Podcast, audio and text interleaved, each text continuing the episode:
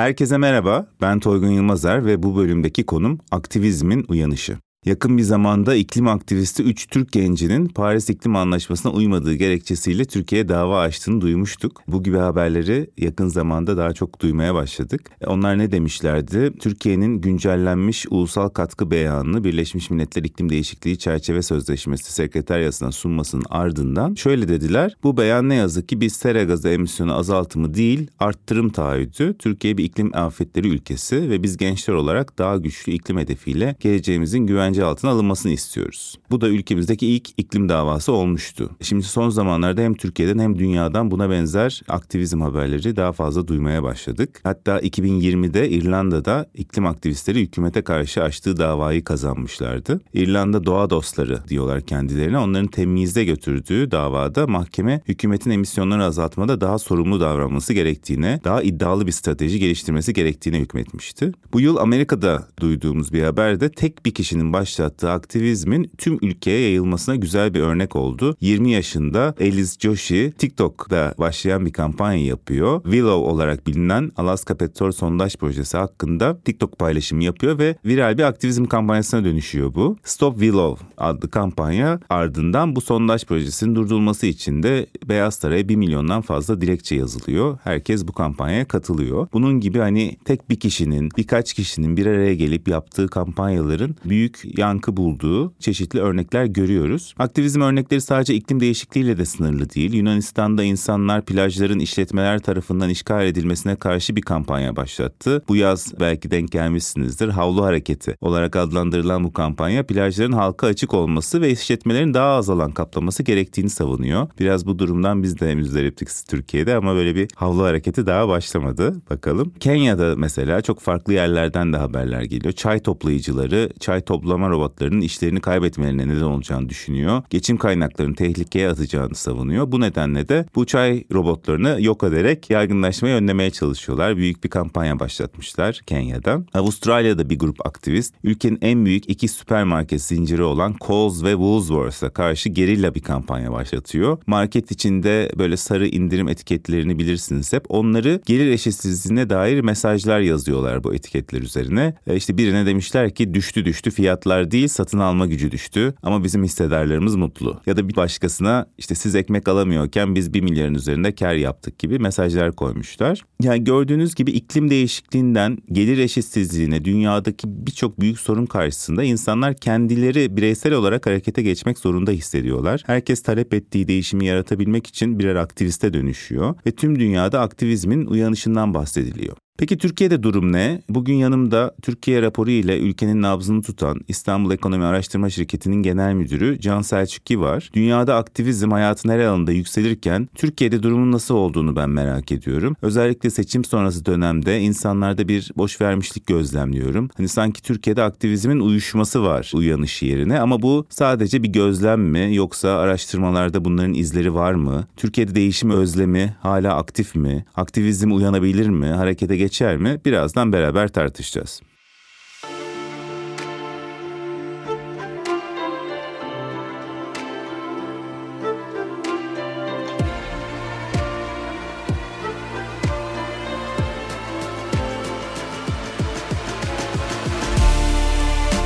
Geleceği merak edenler, trendleri, yenilikleri takip edenler, kültürdeki değişimi anlamak isteyenler, Geleceği Görenler podcast serisine hoş geldiniz.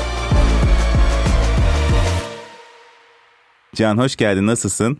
İyiyim, hoş bulduk. Sen nasılsın Toygun? Ben de iyiyim, çok teşekkürler. Şimdi önce bir seni tanıtarak başlayalım. Seni en çok seçim döneminde televizyondan tanıyor olabilir insanlar. Ama sen işte bir araştırma şirketin var, birçok farklı şeyde yer alıyorsun. Biraz kendinden bahseder misin diyeceğim. Hem araştırma ile ilişkin, hem Türkiye'yi anlamakla ilişkin, hem de bahsettiğim bu aktivizmle senin kişisel ilişkin nasıl? Tabii, ben aslında ekonomistim. Yani bundan önce Dünya Bankası'na çalışıyordum. 7 yıl önce istifa ettim. Kendi şirketimi kurdum. Siyasi araştırmalarda tabii çok gündeme geliyoruz. Çünkü memleket siyasetle kafayı bozmuş durumda. Halbuki siyasi anketler toplumu anlamanın bence en uç noktası. Şöyle birçok başka dinamiği anlamak lazım ki siyasi anketlerde çıkan sonuçları anlamlandırabil. Hmm. Ama biz genelde Yani kamudaki tartışmada daha çok veya televizyonlardaki o sığ tartışmalarda sonuçla evet. e, ilgileniyoruz daha çok. Ama bizim esas yaptığımız iş ne oluyor da toplumda ne gibi dinamikler var da bu siyasi sonuçlar ortaya çıkıyor. Hem hani ticari yaptığımız araştırmalar hem sosyal yaptığımız araştırmalar hep e, onları anlamaya yönelik. Çok merak ediyorum ben Güzel. bunları. Türkiye'de araştırma sektörünün geçmişte fena değil bu arada. Yani bayağı eskiye giden araştırmalar var benim en çok ilgimi çeken açıkçası şey oluyor. Yani geçmişte yapılan araştırmalara bakıp bugünle ha, kıyaslamak. kıyaslamak. Bu bahsettiğin araştırmalar ne kadar geriye gidiyor? Bir 10 yıl 20 yıl öncesiyle kıyaslamaktan mı bahsediyorsun? Yok 1950'lere 60'lara kadar giden araştırmalar var. Mesela Nermin Abadan Unat Hoca'nın yaptığı araştırmalar var. Bir kitapları var bende. Bir sahaftan bir arkadaşım hediye etmişti daha doğrusu. İçinde böyle katlanabilir şekilde Türkiye haritaları var ve illeri teker teker elle dereceler değerlendirmişler işte ölçtükleri parametreye göre. O kadar büyük bir emek var ki orada. Bir harita mesela işte 1965 dışarı katlanıyor, içeri katlıyorsun. Arka sayfada bir harita daha açılıyor 1966. Hmm. Şu anda bizim Data Wrapper'da yaklaşık 5 dakikada falan yapabileceğimiz böyle yıllar içerisindeki bir indikatörün değişimini muhtemelen saatler süren emekler sonucu yapmışlar. Oralarda çok güzel sonuçlar var ve biraz tembelleştik ya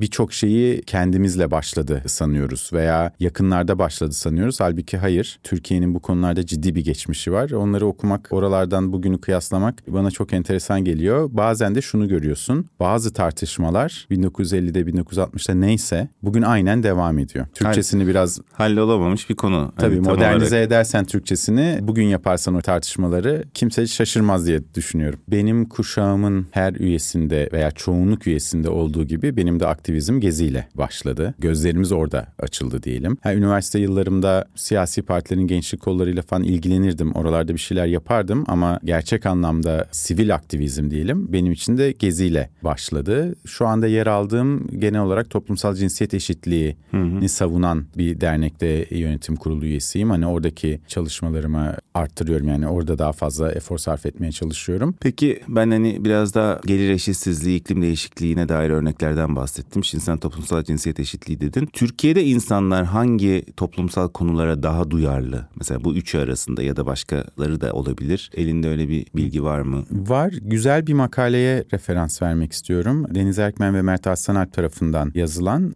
hocalar ikisi de 2007-2019 yılları arasında Türkiye'deki 12.402 tane protestoyu incelemişler. Yani teker teker kodlamışlar. Hani nerede yapıldı, neden yapıldı, hangi amaçla yapıldı diye. Oraya baktığımızda mesela konulara baktığımızda çevre ve şehirleşme, Kürt siyasal hakları, işçi sınıfının ve sosyoekonomik protestolar, kadın ve LGBT ve politik haklar, siyasi haklar. Hani bu beş alanda aslında bu 12 bin küsur e, protestonun yayıldığını görüyoruz. Dolayısıyla hani en çok aslında Türkiye'de protesto edilen hani aktivizm olarak nitelendirebileceğimiz hak arayışı hani aktivizmin ne olduğunu belki evet, evet. E, değerlendirmek lazım. Sonuç Tabii. olarak aktivizm hak arayışı temelli bir aktivite. Bu sokakta bir protesto olabilir, bu bir lobi olabilir. Gidip mecliste lobi yapabilirsiniz. Bu dijital aktivizm olabilir. Twitter üzerinden, TikTok üzerinden, Instagram ve sosyal medya üzerinden yaptığınız bir şey olabilir. Veya bu hukuki süreçler üzerinden de bir aktivizm olabilir. Yani bir konuyla ilgili işte bir kanunu, bir yönetmeliği geri çevirmek için dava açabilirsiniz. Veya bir kurumun bir uygulamasını geri çevirmek için dava açabilirsiniz. Dolayısıyla hak temelli bir arayış e, aslında aktivizm, e, aktivizm. Bir de sen konuşurken sivil aktivizm dedin. Orada da bir acaba fark mı var? Benim verdiğim örnekler biraz daha bireylerin artık ben bir şey yapmalıyım dediğim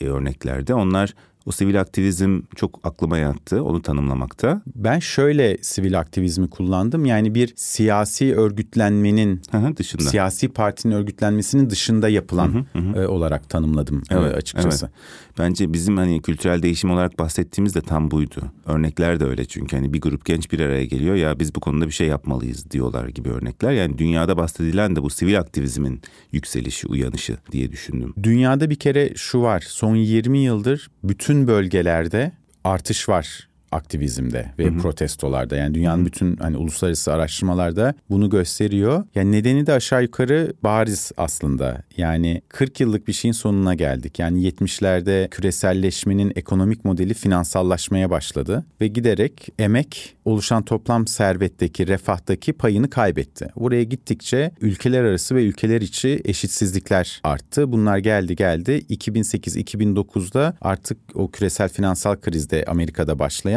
bunun ahlaki olarak taşınamaz olacağı gözüktü. Çünkü bir takım insanlar zengin oluyor. İnsanların bütün birikimlerini batırıyorlar. Buna rağmen devletler tarafından kurtarılıyorlar ve buna rağmen o şirketlerin yöneticileri böyle şahane hani altın paraşüt tabir edilen e, paketlerle emekli oluyorlar ama insanlar işte evinden barkından oluyor. Orada ahlaki çöküntüsü gün yüzüne çıkmış oldu bu küresel ekonomik modelin. Artık o günden bu yana iklim değişikliği konusunda, gelir adaletsizliği konusunda her alanda insanların sabrı tükendi. Yani onlara verilen sus payı, geniş kitlelere verilen sus payı yetmemeye başladı.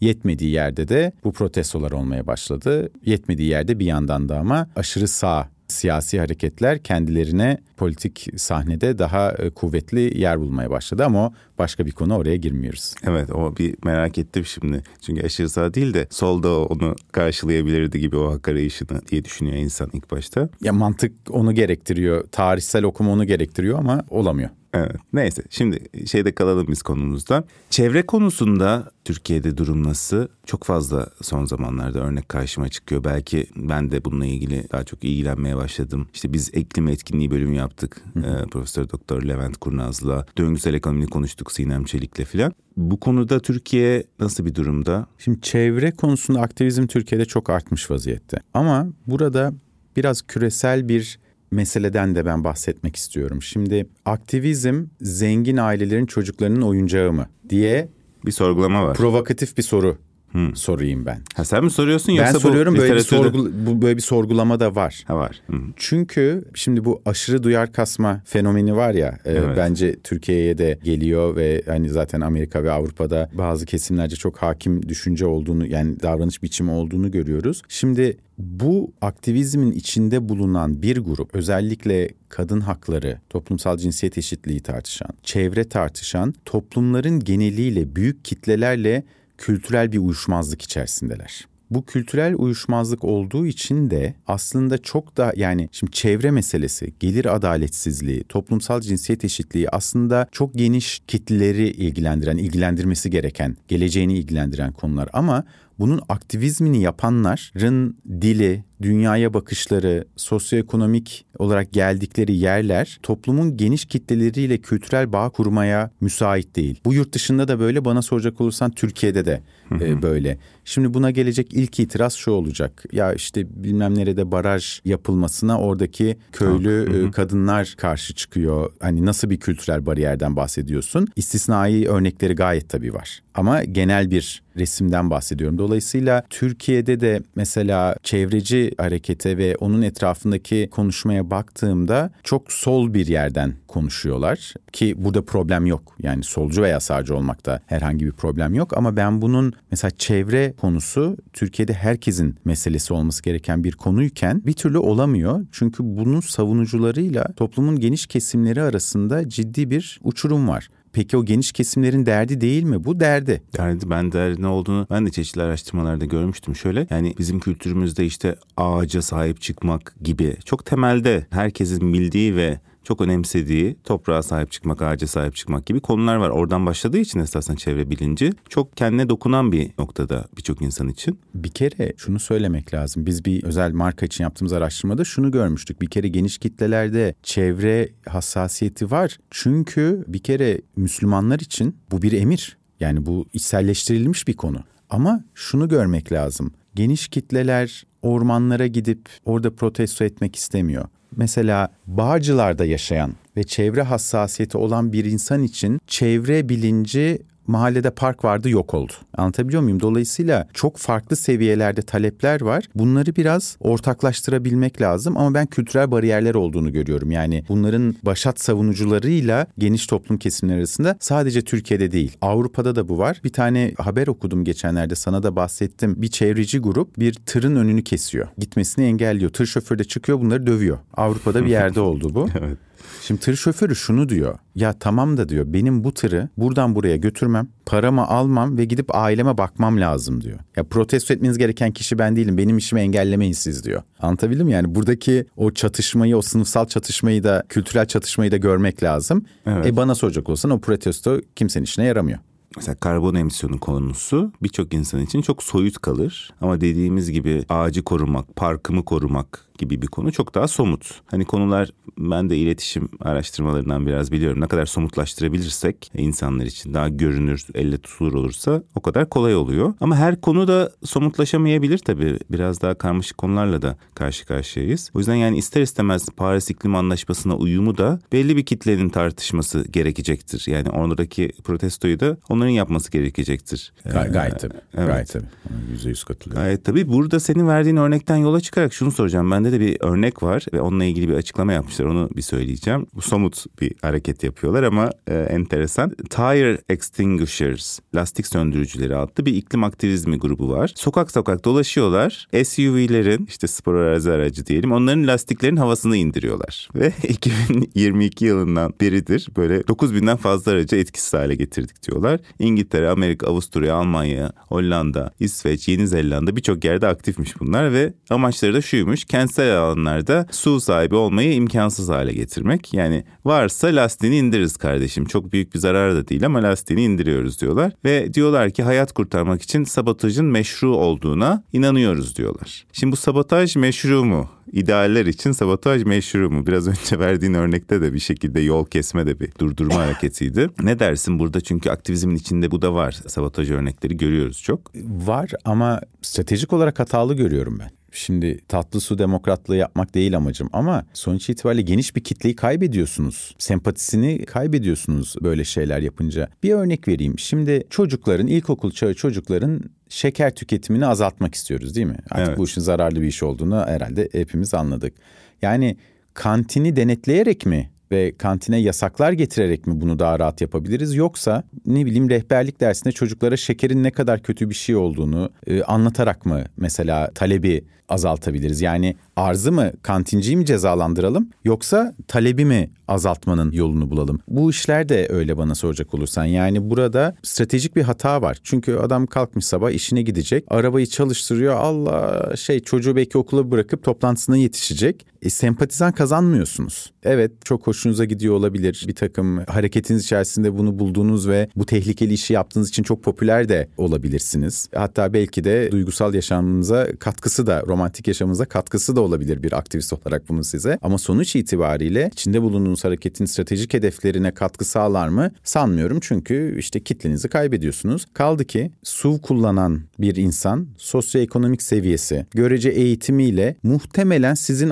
anlattıklarınızı çevre bakımından dinlemeye daha açık evet. daha açık bir insandır. Hı hı. Yani bu başka şekilde de kurulabilir de o ilişki. Başka bir şekilde kurulabilir o ilişki. Peki bu sabotaj dedim ben bir şekilde vandalizm de gördük. Hı hı. Ee, mesela iklim aktivistlerinin ünlü sanat müzelerindeki doğa tablolarını zarar verdiğini görmüştük. Ve onlar çoğaldı da çok. Orada da aynı argüman vardı. Yani bu konuya dikkat çekmek için bu konunun en dikkat çekici objesini buluyorum ve ona zarar veriyorum ki insanlar farkına varsın. Ama anlatırken bile şey hissettim ben. Hani bir çocuğun bağırarak ya da bir şeye zarar vererek dikkat çekmesi gibi bir davranış oluyor esasında. Aktivizm, vandalizm, terörizm bunlar arasındaki çizgileri de biraz daha net anlamaya çalışıyorum. Sen nasıl buna iç içe geçtiği noktalar da çok oluyor. Bunların ayrımını nasıl yaparız? Şimdi bence meseleye şuradan bakmak lazım. Devlet kutsal mıdır? Yaptığı her şey doğru mudur? Olmadığını biliyoruz, değil mi? Dünyada devletlerin tarihi ahlaki problemlerle dolu bugün de. Dolayısıyla devletlerin yaptığı her şey, kamunun, kamu idaresinin yaptığı her düzenleme, uygulamanın doğru olmadığını biliyoruz. Zaten tepkimiz de bunların ürettiği sonuçlara değil mi? Dolayısıyla her şey legal şeyde olsun, alanda olsun protesto edelim ama işte aman sınırları aşmayalım dersek o tabii ki az önce dediğimle çelişkili bir şey oluyor. Çünkü orada şunu diyorsun yani devletlerin, kamu idarelerinin kurduğu, koyduğu her kural doğrudur. Protesto edeceksek bile onun çizdiği sınırlar içerisinde protesto etmek lazım. E o tabii her zaman sonuca götürmeyebilir. Öte yandan ama şunu da görmek lazım ki bu artık bir lobi savaşı. Bu kitleleri kazanma meselesi. Dolayısıyla akıllı olmak durumundayız. İllegaliteye girecek, yasa dışıya girecek işler yapılacaksa bile bunun Hmm, sempatizan kazanması sempatizan lazım. kazanacak şekilde e, oluyor olması lazım. Eğer gidip de bir müzede hadi finansal değerini geçtim ama tarihi değeri olan bir sanat eserini ömür boyu bozacak şekilde bir hamle yapıyorsanız e, bu yasa dışılığın size hiçbir getirisi yok. Evet ve hatta belki sosyokültürel olarak yakın durduğun bir kitlenin değer verdiği bir şeye zarar veriyorsun. Gayet tabii ama tekrar edeyim yani şu varsayımla da yola çıkamayız. Devletler, kamu idaresi her zaman doğruyu yapmaz kutsal da değildir. Kutsal olan insandır ve onun talepleridir. Dolayısıyla zaten oraya protesto ederken her zaman oyun kuralları içerisinde kalmak durumunda değilsin. Değilsin. Ama bir akıllı olma gereği de vaki bana soracak olursan. Akıllı aktivizm. Akıl bilmiyorum şimdi Bilmiyorum. akıllı aktivizm diye bir şey de olur mu? E, gayet tabii olur. Çünkü sonuç almak Stratejik Ee, aktivizm. stratejik aktivizm diyeyim yani sonuç almak önemli. Mesela bu Me Too hareketi vardı örneğin e, hala var. Kadınların toplumsal yani iş yerinde hayatında. özellikle profesyonel hayatında uğradıkları istismar ve tacizleri e, söylemelerine Evet, oluşturan bir hareket. çıkarmak, gün evet. yüzüne çıkartmak. E şimdi mesela Amerika'da bu çok ciddi sonuç alıyor. Şirketin adını unuttum şimdi hani bakıp verebiliriz de bir CEO görevden alındı daha yeni. Neden? Şirketin şeffaflık kurallarına uymadığı için yani bir kendisine raporlama yapan bir kadın çalışanıyla ilişkisi varmış ki burada bir sorun yok ama bunu şirket politikası gereğince açıklamamış ve yalan söylediği yani açıklamamak sorulduğu halde yanlış beyan vermek yalan söylemek kabul edildiği için yani kabul edildiği için yalan söylemek olduğu için adam görevden alındı. Japonya'da bile mesela e, takip etmişsindir belki bu Japonya'daki boy bandler Evet. e, var ya onları çok meşhur eden bir e, ajans var. Johnny bir şey. Gerçi sahibi vefat etmiş ama onun bu süreçte bu erkek sanatçıları istismar ettiği ortaya çıktı. Ve şimdi ajans yıllar içerisinde istismara uğrayan bütün o sanatçılara tazminat ödeyecek. E şimdi bu sonuç sonuç bu. Evet sonuca ulaşıyor. Bu sonuç. Ve artık hatta Financial Times'daki habere göre muhtemelen ajans adını değiştirmek durumunda kalacak hayatına devam edebilmek için. Sonuç bu bana soracak olursan. He arada zayiatlar oluyor mu? Oluyor. Kevin Spacey mesela boşuna suçlandığı ortaya çıktı. Biz de House of Cards 5. sezonu Kevin Spacey olmadan izlemekle Evet. cezalandırıldık ama Evet. bu işin tabii çok marjinal bir noktası. Peki şimdi Türkiye'ye dönersek yakınlarda böyle politik depresyon diye bir kavram duydum. Onu da sana sormak istiyorum çünkü siyasi araştırmaları da çok yaptığın için. 14 Mayıs seçimleri öncesinde daha umutlu ve heyecanlı olan muhalif seçmenler seçimler sonrasında hayal kırıklığı yaşadılar. Ve bu yaşadığı hayal kırıklığına işte yılgınlık, umutsuzluk, kaygılı olmayı da eklediğimizde şu an bir politik depresyon içinde bu insanlar deniyor. Sence böyle bir durum var mı? Kesinlikle var. Çok somut bir rakamsallaştırabilirim de bunu. Her ay yaptığımız Türkiye raporu anketinde işte klasik soru bu pazar seçim olursa kime oy verirsiniz? %20'lerin üzerine çıktı oy kullanmayacağım diyenler. Önceden kaçtı? %9, 10, 11 o civarlardaydı. Dolayısıyla bu aslında siyasi depresyon Diyebiliriz evet. diyebilirim tabii. Yani bir tepki var orada. Bunu da çok doğal karşılıyorum. E, Neden? Çünkü seçimden önce beklenti çok yükseltildi. Burada bir öz eleştiri yapayım. Biz de yaptığımız anketlerde muhalefetin kazanacağını görüyorduk açıkçası. Dolayısıyla o beklenti yükselmesine bizim de katkımız olmuştur. O öz eleştiri yapmadan bu yorumu yapamam. Fakat tabii siyasiler esas e, şeyi çok yükseltti. Ben şöyle diyorum. İşte eşinize Paris'te bir hafta pırlanta yüzük işte araba alacağım dediniz. E, Sonra e, işte annenizin devre mülküne götürdünüz. Aradaki şey böyle olunca, fark böyle olunca eşinize yüzünüze bakmıyor. Şimdi üstelik özür de dilemediniz. Sorumluluk da almadınız. Ders çıkarttığınıza dair bir emare yok ortada. Dolayısıyla hani küs bir şekilde hayatınıza devam ediyorsunuz. Muhalefetin bir şansı belki, siyasetin bir şansı belki yerel seçimlere gidiyor oluşumuz ve yerel seçimlerde adayın partiden bağımsız çok etkili olabileceği ama o da olmazsa ben e, çok ciddi bir siyasi küskünlük, depresyon ve umursamazlık olduğunu görüyorum. Ama bu demek değil ki bu kitle memleketin dertlerine artık ilgilenmiyor. Hı. Evet. Ben politik depresyondan sonra ona gelmek istiyorum esasında. Daha önemlisi yani siyaset bir tarafa günlük olaylar karşısında en başta bahsettiğimiz hak arayıştan da vazgeçme daha tehlikeli bir şey olabilir. Çünkü olumlu yönde bir değişimi insanların da tetiklemesi, taleplerini ifade etmeleri tabii ki çok değerli. Bunu kaybetmek istemeyiz. Hani bir öğrenilmiş çaresizlikten de bazen bahsediliyor. İnsanlar artık bir motivasyonsuzluk içine giriyor. Zaten ne yapsam olmayacak diyorlar. Hani üst üste hep aynı iktidar var. O yüzden de benim belki tercihlerimi, isteklerimi dikkate almayacaklar zaten e, ve önüm engellenecek diyerek artık bunlardan vazgeçmek tamamen hak arayışından gibi bir duruma da gidebilir sanki. Hayır gitmez. Hı hı. Neden gitmez? Çünkü kendini muhalif tanımlayan ve taleplerinin, isteklerinin asla mevcut iktidar tarafından dikkate alınmayacağını düşünen kitle, geniş bir kitle. Hepsinden tabii bir aktivizm, bir şey beklemek doğru olmaz. Evet bir kısmını belki belirli konular için motive etmek çok daha zorlaşmıştır seçim öncesine kadar ama sonuçta toplumsal bir talep duruyor Türkiye'de deneye yanıla, deneye yanıla mutlaka toplumlar bu talepleri organize edebilecek bireyleri içerisinden çıkartıyor. Dolayısıyla evet büyük bir kısmı belki demotive etmiştir ama bir kısmı da daha da ateşlemiştir. Çünkü bir talep var toplumda ve bir türlü bu talebi organize edemeyen, örgütleyemeyen bir takım aktörler var. Bunun daha da ateşlediği e, bir kesim de var. Yani bu toplumları hani bir normal istatistiki dağılım olarak bakarsan bir ortada belirli düşünceleri olan ama bunun için hani hareket etmeyenler var. Bir de uçlarda Hı-hı. hareket edenler var. Ha uçlara itmiş olabilir bu durumlar diyorsun yani insanlar. o uçlarıdaki insan sayısını biraz azaltmış olabilir ama ben insanların memleketin derdiyle, dünyanın derdiyle dertlenmeme noktasına geldiğini düşünmüyorum açıkçası. Hı-hı. Sadece artık bunu belki dile getirmeyeden yoruldular. Hı. Çünkü Belki. anlatıyorlar anlatıyorlar. Hı hı. İktidar zaten anlamıyor. Muhalefet anlamıyormuş gördük falan. Dolayısıyla biraz daha şeye limitlenmiş olabilir aktif olma işi. Daha uçta daha bu konulardan ateşlenen ve olmaz buradan ayağa kalkıp yine bir şeyler yapmalıyız. Toplumsal talep burada var diyenler. Ha, çevrecilere kadın hakları, LGBTİ hakları, siyasi haklar konusunda organize olanlar onlar zaten devam ediyor. Devam ediyor onlar. Tabii tabii. Evet. Peki sen tüm Türkiye'yi anlamaya çalışıyorsun. Toplumun seçimden memnun olan kesiminde duygular nasıl? Onu da merak ediyoruz çünkü.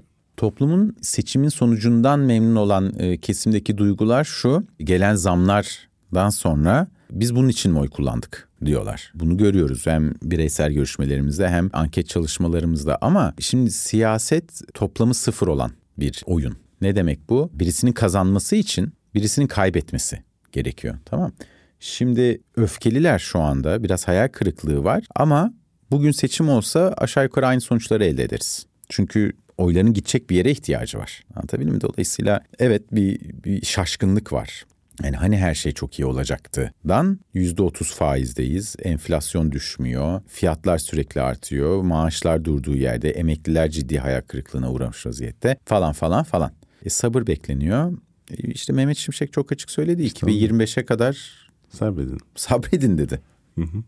Dolayısıyla evet. mutlu değiller. Mutlu değiller ama başka bir yere de dönüşmez o ya da bir protestoya da Yok, protestoya dönüşmez. dönüşmez. Öyle Hı-hı. bir öyle bir damar e, yok. Bu arada hazır yeri gelmişken şundan da bahsetmek lazım. Şu ana kadar hep daha siyasi olarak muhalif olan kitlelerin protestolarından ve aktivizminden bahsettik. Aslında Türkiye'de bana soracak olursan özellikle İslami kesimin dernekleri üzerinden, çok ciddi bir aktivizmi var. Ve aslında hani 28 Şubat döneminde bu kendini sokaklara da taşımıştı. Hani özellikle başörtüsü serbestisi hakkı hak araması üzerinden. Daha sonra Filistin için yapılan protestolar var. Ee, örneğin her ne kadar içeriğine katılmasam da LGBTİ karşıtı biliyorsun protestolar var. Bunlar da bir e, aktivizm ve bunlar da aslında belirli bir yaşam tarzı için, belirli bir kültürel değerler seti için hak arayışı. Dolayısıyla aslında o tarafa hiç bakmıyoruz e, bana soracak Ya da ilk olsan. aklımıza gelmiyor. İlk aklımıza evet. gelmiyor öyle evet, diyelim. Evet. Halbuki. Halbuki hani az önce bu aktivizm, bu protestoların bir sonucu olmalı dedik ya. Şimdi daha muhafazakar, daha İslami tonlu sivil toplum kuruluşlarının organizasyonlarına ve faaliyet gösterdiği alanlara baktığımızda siyasi sonuç elde etme bakımından çok daha ileride olduklarını görüyoruz. Çünkü seçimler için örneğin çok ciddi örgütlenmeler, organizasyonlar yapabiliyorlar ve siyasi taleplerini neyse o artık yani hangi temeldeyse çok daha rahat kitlelerine organize edecek şekilde baskı unsuru haline getirebiliyorlar. Eksik nerede? Bu tartışmada da eksik orada. Bunlar çok kamusal alanda yürüyen tartışmalar olmadığı için farkındalık yok. Sen lobicilikle yürüyor dedin esasında biraz. Orada lobicilik de var tabii ki çünkü kitlesel güç var ve o, o kullanılıyor. Dolayısıyla hep muhalif kesimin aktivizmi, protestosu üzerinden konuşuyoruz. Çünkü orada daha somut bir e, evet. hak temelli evet. protesto var. Ama aktivizm iktidar seçmeni arasında da çok yaygın bana soracak olsan özellikle STK'lar üzerinden. Ben şimdi genele gelmek istiyorum yine. Aktivizmin sempati kazanmasının ne kadar önemli olduğundan bahsetmiştin. Deminki örnekler üzerinden biraz onu konuştuk. Türkiye'de ne gibi protestolar daha çok sempati kazanıyor? İnsanlar hangilerini onaylıyorlar? Hangilerini onaylamıyorlar? Belki onu anlamak önemli olur. Mesela biz kaç 3 6 9 tane farklı protesto konusu verip ne kadar onaylayıp ne kadar onaylamadıklarını sorduk e, bir anketimizde katılımcılara.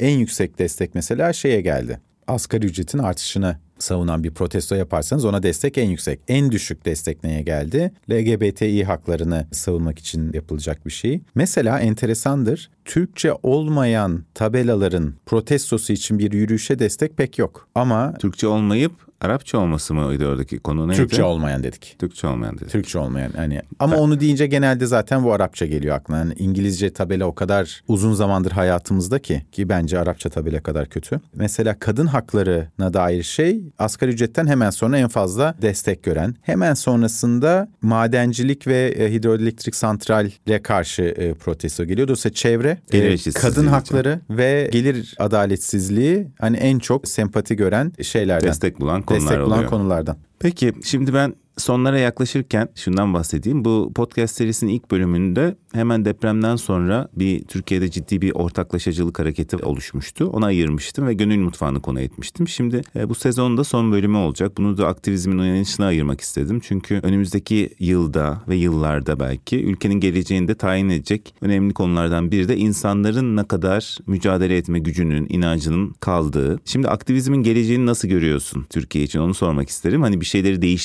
değiştirebileceğimize dair umudumuz, gücümüz var mı? Neler olacak acaba? Nasıl yorumlarsın? Ben aktivizmin geleceğini çok iyi görüyorum öncelikle. Türkiye'de ve dünyada. Neden? Çünkü dünya çapında yapılan 36 bin kişilik bir anket var. Yani geniş bir ülke örnekleminde yapılıyor. Edelman tarafından yapılıyor. Orada kurumlara güven ölçülüğünde şöyle bir soru var. Diyorlar ki problemleri çözme konusunda, toplumsal problemleri çözme konusunda aşağıdakilerden hangisine daha çok güvenirsiniz? Özel sektör var, siyaset var, sivil toplum var. Sivil toplum özel sektörle beraber birinci çıkıyor, siyaset yerlerde. Şimdi Türkiye'de biz gençlerle 3000 kişilik 18-30 yaş arası bir anket yapmıştık. Kurumlara güven sorusu sorduk. En alt sırada en az güven duyulan kurum olarak tarikatlar var. Hemen sonrasında siyaset var. En çok güven duyulana geldiğinde tabii ki TSK.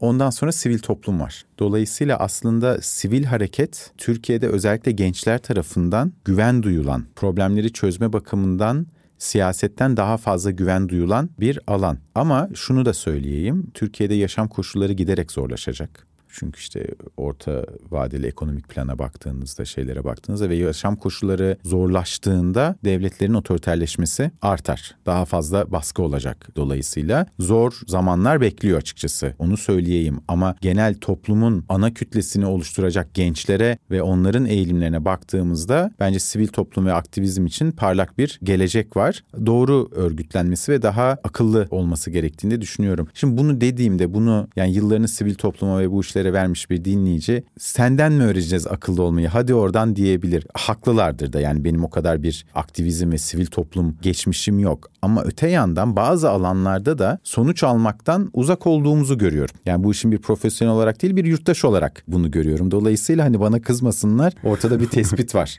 Evet. Ee, onu söylemek istiyorum ama onun dışında ben parlak görüyorum. Ve siyaseti zorlayacak. Artık siyasi partiler bu sivil topluma, bu aktivistlere dostlar alışverişte görsün tarzı ilişkiler kuramayacaklar. Daha içlerine organik bağlar kurmaları gerekecek ve biraz daha yetki devretmeleri gerekecek. Ee, bunu ileride göreceğiz. Başka türlü çünkü siyasi partiler falan çok arkaik yapılar, çok köhnemiş yapılar. Dolayısıyla e, toplumun farklı kesimlerine ulaşabilmek için aktivistlere ve sivil topluma biraz alan bırakmak zorunda kalacaklar. Ya umarım öyle olur. Güzel. Güzel bir... Toplum ileri gidiyor Toygun. Çok iyi. Ee, kim çok olursa iyi. olsun bunu durduramazsınız. Evet. Ama 5 yıl ama 10 yıl ama 20 yıl. Evet evet çok iyi. Tamam bu şekilde olmasını ben de dilerim. Bu sohbette benim de bakışımı biraz değiştiren bu aktivizmin başına stratejik aktivizm eklememiz, stratejik kelimesini eklememiz oldu. O şekilde düşünmek daha iyi geldi. Normalde biz de işte çalıştığımız iletişim kampanyalarında bunun sonunda nereye varır, neyi değiş, algıyı ne şekilde değiştirmek istiyoruz falan diye hani işim o zaten. İletişim stratejisine çalışıyorum. Aktivizmde de hani çok temel bir dürtüden yola çıkıyor. Ben buna karşıyım bu yapılanlara ve hakkımı savunmak istiyorum diye bir yerden geliyor. O yüzden biraz içinde daha duygu patlaması da olabilecek bir konu. Ama belki onun biraz daha organize edilmesi ve bu patlama neye hizmet edecek diye düşünülmesi, daha stratejik yaklaşılması sonuç elde etmekte etkili olabilir. Buna da vaktimiz olabilir önümüzdeki aylarda, yıllarda. Kesinlikle. hep beraber kafa kafaya verip nasıl sonuç alırız diye düşünmeye. O yüzden önümüzdeki yılda da etkili aktivist hareketlerin olmasını diliyoruz. Çok teşekkürler katıldığın için. Ben teşekkür ederim. Çok keyifliydi. Bu sezonda 12 bölümde kültürel değişimin izini sürdüm. Konuklarımla daha derinlemesine de ele aldım. Şimdi 7 Aralık'ta Unique'de Culture Next Kültürel Değişim Konferansı düzenliyor olacağız. Orada 2024 için önemli olan kültürel değişim alanlarına odaklanacağız. Ve bugünden itibaren konferansa kadar küçük bir ara veriyorum. Hepinizle daha sonrasında tekrar görüşmek üzere yeni sezonda.